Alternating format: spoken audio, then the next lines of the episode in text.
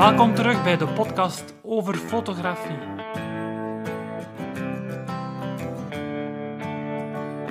De Nederlandstalige podcast, volledig gewijd aan fotografie.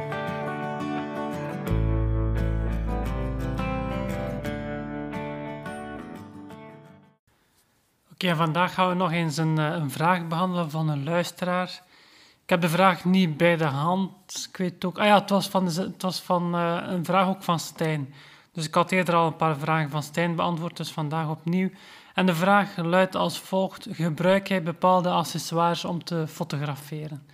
Nu, ik ga die vraag zo goed mogelijk beantwoorden. Het is nogal een algemene vraag in die zin dat je accessoires nogal breed kunt interpreteren. Ik ga mijn best ook doen om dat zo breed mogelijk te beantwoorden. Ah ja, misschien nog snel een teaser voor, uh, voor een van de volgende afleveringen eigenlijk.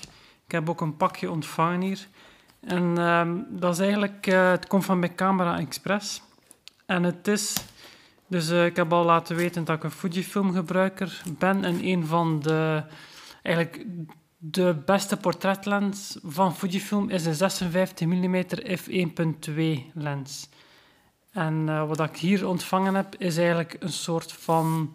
Ja, dus je moet rekenen, die Fujifilm lens, dat kost iets van 8 of misschien zelfs 900 euro. Dat is ook een heel goede, maar een, heel specifieke lens.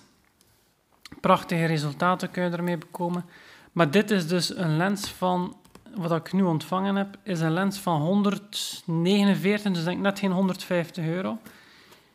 Die uh, daar eigenlijk mee ja, die ongeveer dezelfde specs heeft. Het is een 55 mm, dus op een millimeter na dezelfde brandpuntsafstand, maar in plaats van een 1.2 is het een 1.4 lens. Maar goed, als we spreken over eh, een prijs van 150 euro, is dat nog een spotprijs voor een 1.4 lens. Hè. Dus uh, ik ga die in een van de volgende afleveringen uh, uit de verpakking halen. Nee, nee, ik ga dat er nu al uithalen, ik kan niet wachten om de lens te bekijken. Maar mijn ervaring ga ik uh, ga wel moeten wachten tot een van de volgende afleveringen waar dat ik uh, de lens in detail ga bekijken en bespreken. En dan vooral kijken naar uh, in hoeverre dat die lens even goed presteert als de Fujifilm lens natuurlijk. Hè. Het is een lensvatting specifiek voor Fujifilm. Maar goed, dus dat is voor een van de volgende afleveringen. Vandaag dus in deze aflevering de vraag wat voor accessoires gebruik je zoal als je fotografeert of bij je fotografie. En eigenlijk, ik gebruik er sowieso niet zo heel veel, maar ik ga toch proberen vrij breed te antwoorden. Iets wat dat eigenlijk, waarvan ik overtuigd ben dat elke uh, fotograaf of iedereen die een fototoestel gebruikt, bij elke lens komt, de dag van vandaag, komt bijna bij elke lens standaard ook een zonnekap. Als dat er niet bij zit, zeker kopen. Je hebt... Uh, zonnekappen van, uh, van, van Fujifilm, van Nikon, van Canon, van elk merk voor specifieke modellen, voor specifieke lenzen die er één op één voor gemaakt zijn. En je kan natuurlijk ook via eBay en dergelijke Chinese aftermarket uh, goedkoper uh, zonnekappen bestellen. Wat is een zonnekap? Een zonnekap is gewoon een, een extensie die je op je, vooraan op je lens schroeft en die eigenlijk het licht, vandaar de naam zonnekap, die het zonlicht gaat dat van opzij in uw lens valt, gaat gaan tegenhouden. Wat dat, dat doet, het belangrijkste effect van een zonnekap, is dat je meer contrastrijke beelden krijgt. Dus je beeldkwaliteit gaat erop vooruit, gewoon doordat je uw, um, eigenlijk het licht dat van een verkeerde hoek in uw lens valt, dat je gaat gaan afblokken. Het is een beetje vergelijkbaar als je bijvoorbeeld uh, op een felle zonnige dag een, uh, een petje aanzet, opzet, dan gaat die pet eigenlijk het zonlicht wat dat echt in uw ogen prikt gaan afblokken. Dat is ook wat die zonnekap gaat doen voor uw lens. Die gaat eigenlijk het licht wat dat schuin op uw lens valt en dat door flares en minder contrast en dergelijke uh, gaat gaan creëren in uw foto, gaat dat gaan afblokken. Dus je krijgt eigenlijk gewoon al door zo een goedkope, eenvoudige zonnekap te monteren op uw lens, krijg je gewoon betere, mooiere beelden. Dus sowieso iedereen altijd zonnekap gebruiken bij elke lens. Een ander groot voordeel van de zonnekap is eigenlijk dat het... Uh, ook uw lens gaat beschermen. Dus als je met je lens ergens tegenaan botst, het voorste lenselement is vrij gevoelig voor krassen en dergelijke. Maar als je daar een zonnekap bovenop schroeft, dan is het die zonnekap die de impact gaat opvangen als je ergens uh, tegenaan botst. Of als je in de menigte loopt of iemand loopt tegen je aan, dan zal het tegen die zonnekap zijn dat er Ook als de, de lens valt bijvoorbeeld, dan zal die als die op de voorkant valt, eerst op die zonnekap vallen in plaats van op uw voorste lenselement. Dus het beschermt ook uw lens. Dus het blijft een, een heel belangrijk... Het heeft eigenlijk alleen maar voordelen, een zonnekap. Ik denk niet dat ik een nadeel kan bedenken voor een zonnekap. Dus dat was een eerste accessoire dat, uh, dat ik iedereen zou aanraden van te gebruiken. En als we het hebben over het uh, beschermen van uw materiaal, dan komen we al snel uit bij UV-filters. Een UV-filter, een filter is eigenlijk ook een, uh, een extra stuk, stuk, glas, wat je met de juiste, zolang dat de juiste diameter heeft en de juiste schroefdraad, kun je dat bovenop de lens schroeven. Dus eigenlijk voor het voorste lenselement daarop gaan schroeven. En uh, je hebt verschillende soorten filters, maar de meest verkochte filter is wel de UV-filter. En typisch als je in een winkel komt en je koopt daar een lens, dan is de kans groot dat de verkoper ook het moment zal aangrijpen om u een, uh, een UV-filter te verkopen. En dan vaak met het argument dat dat uh, uw lens beschermt zonder dat het de kwaliteit ehm, teniet doet. Nu, dat is niet helemaal waar. Het is wel ja, het is correct als je daar een ander lenselement boven plaatst dat als je een kras krijgt, dat je dat in die filter krijgt die je kunt gaan vervangen. En dan, zou, dan gaan er veel verkopers ook zeggen dat je die filter gemakkelijk goedkoop kunt vervangen. Dat dat goedkoper is dan je voorste lenselement vervangen, maar ook daar, dat is verkoopspraat. Want eigenlijk, uh, het probleem is dat dat zeker geen... geen um, dat heeft wel degelijk effect op je uh, beeldkwaliteit. Dus elk element, glaselement dat je extra in een lens plaatst, gaat eigenlijk altijd kwaliteitsverlies opleveren. En zeker als dat dan een stuk glas is, wat dat eigenlijk een, een goedkoop stukje uh, glas is. Dus wil je het goed doen, dan moet je eigenlijk al een dure UV-filter kopen van 100, uh, rond de 100 euro. Dus dan zit je al met een grote aankoop. Kost. Plus dat eigenlijk een zonnekap van 10 euro uw, uh, uw lens in veel gevallen beter gaat gaan beschermen dan zo'n UV-filter. Nu, dat is niet de enige reden waarvoor dat... Ja, het is wel de voornaamste reden waarvoor dat UV-filters dag van vandaag verkocht worden, denk ik. Maar eigenlijk is een UV-filter ook een filter die uh, werkt zoals we voor zonnecrème gebruikt. Uh, zonnecrème gaat het UV-licht gaan filteren uit, uh, uit het zonlicht en dat doet zo'n UV-filter ook. Dus het heeft wel degelijk ook een, een, effect op je beeld. Maar je gaat dat vooral zien op plaatsen waar dat je bijvoorbeeld op grote hoogtes, waar je meer UV-licht hebt, dan kun je een ander beeld krijgen door zo'n UV-filter te gebruiken eigenlijk op uh, plaatsen waar, wel ja, eigenlijk op plaatsen waar je zonnecrème zou gebruiken, like aan de zee bijvoorbeeld, of in de bergen in de sneeuw. Op zo'n momenten waar je veel UV-licht hebt, ja, daar zou je kunnen het effect zien van zo'n UV-filter op je, op uw lens te gebruiken. En eigenlijk uh, door de komst van de digitale fotografie zijn er veel filters overbodig geworden. Als, je, als we terugkijken naar het fotograferen op film, en dan zeker bij zwart-wit bijvoorbeeld, dan had je filters waarmee dat je kon uw, uh, het, het zwart-wit beeld echt gaan beïnvloeden eigenlijk. Hè. Dus je had bepaalde kleurfilters, je had rood, groen, uh, blauw filters, waarmee je eigenlijk een totaal ander beeld uh, bekwam, zwart-wit, op uw, op uw film. Maar omdat nu digitale fotografie die bewerking ook achteraf kunnen uitvoeren, wordt dat eigenlijk niet zoveel meer gebruikt, dat soort filters. Maar er zijn nog altijd wel een aantal filters beter die nog altijd veel gebruikt worden. En een daarvan is dus die UV-filter waar ik van sprak. Maar een ander goed voorbeeld, er zijn er drie denk ik. Dus de UV-filter, maar ook de ND-filter. En ND staat voor uh, Neutral Density. Dus wat een ND-filter doet, is eigenlijk een aantal stops licht gaan afnemen. Dus gaan, uh, gaan verdonkeren eigenlijk. Hè. En uh, je hebt verschillende types. Uh, je hebt er die uh, 2, 4, 8 en meer stops licht afblokken. Maar je hebt er ook die variabel zijn. Dus dat is dan vaak met twee schijven dat je kunt verdraaien. En naar gelang hoe ver dat je die tegenover elkaar verdraait, krijg je meer of minder stops licht dat tegengehouden wordt. Het gebruik van zo'n uh, ND-filter, dat wordt vooral bij natuurfotografie en bij videografie gebruikt. Dus als je video maakt dan wil je, tenzij dat je echt een karatefilm maakt, waarbij dat je zo een uh, tjak-tjak effect wilt. Bij hoge sluitertijden heb je het probleem dat beweging niet meer natuurlijk overkomt, maar zo bijvoorbeeld bij een karategevecht, zoals dat, vaak gefilmd wordt, in heel uh, scherpe, hoekerige, hakerige bewegingen. En dat los je op door eigenlijk een trage sluitertijd te gebruiken van bijvoorbeeld een 60 seconden of misschien zelf trager, waardoor dat je die beweging suggereert. Dus dan krijg je de beweging in beeld te zien in uw opname. Bij film is dat belangrijk, dat je die beweging krijgt voor natuurlijke beelden, voor cinematische beelden te bekomen.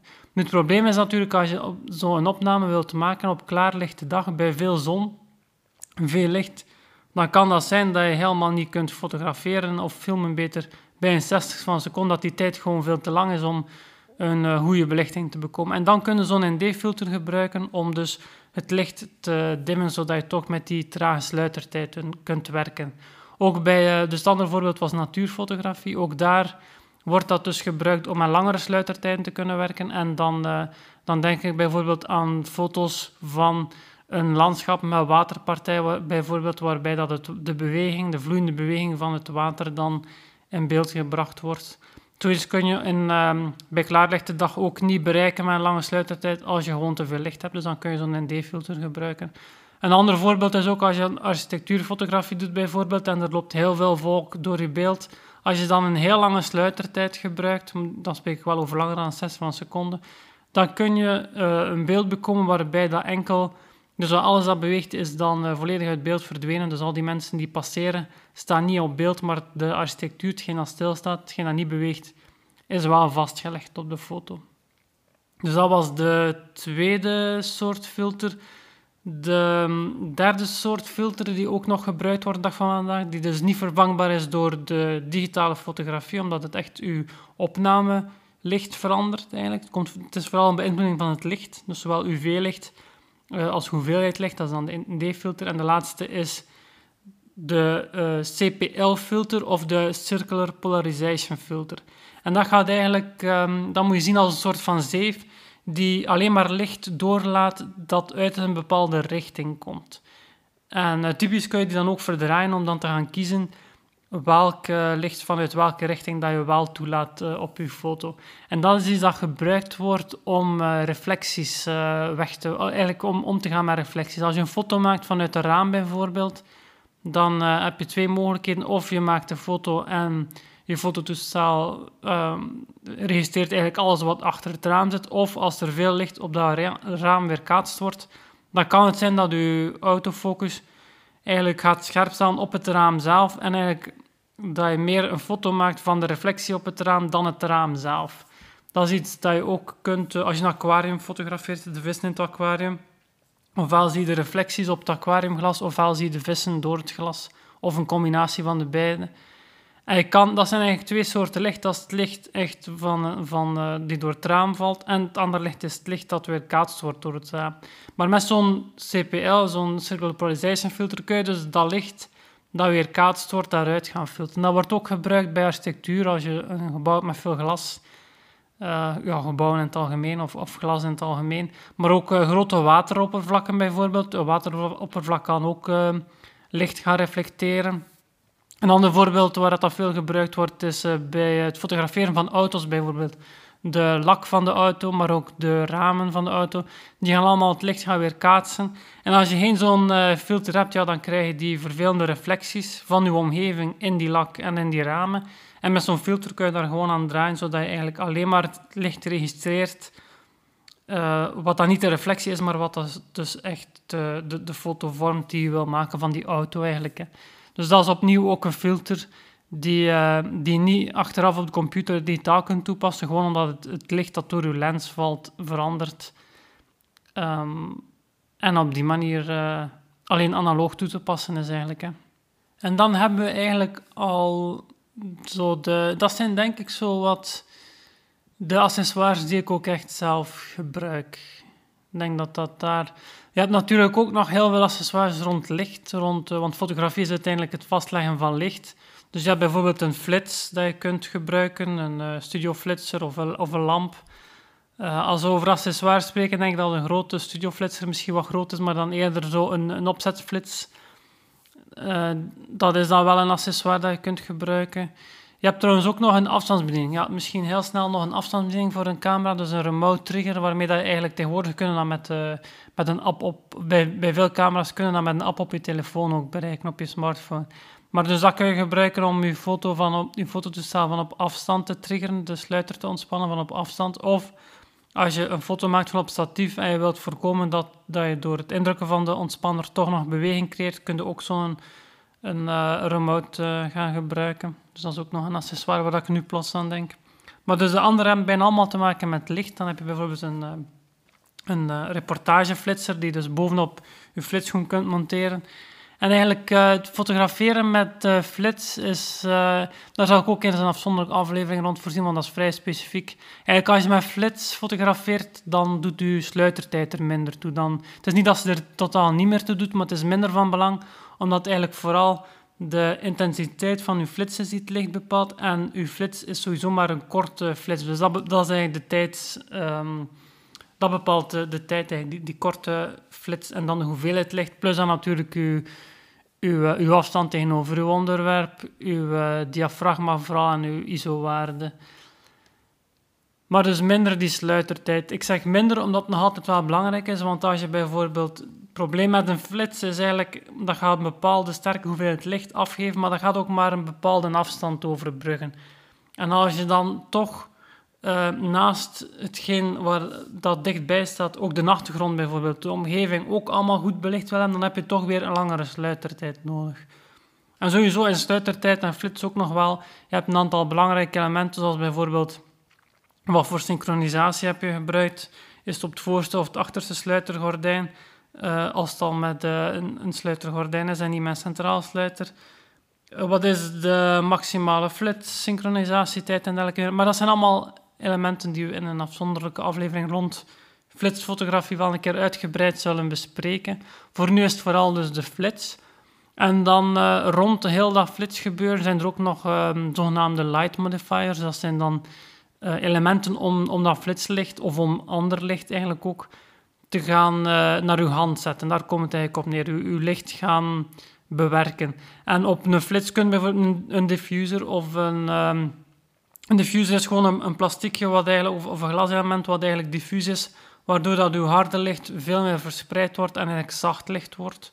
Dat kan ook een, een groot scherm zijn met een, een, een, uh, een doorzichtige doek waar je doorheen flitst. Of als je met uh, uh, zonlicht werkt, dat het zonlicht doorheen dat grote doek gaat wat transparant is.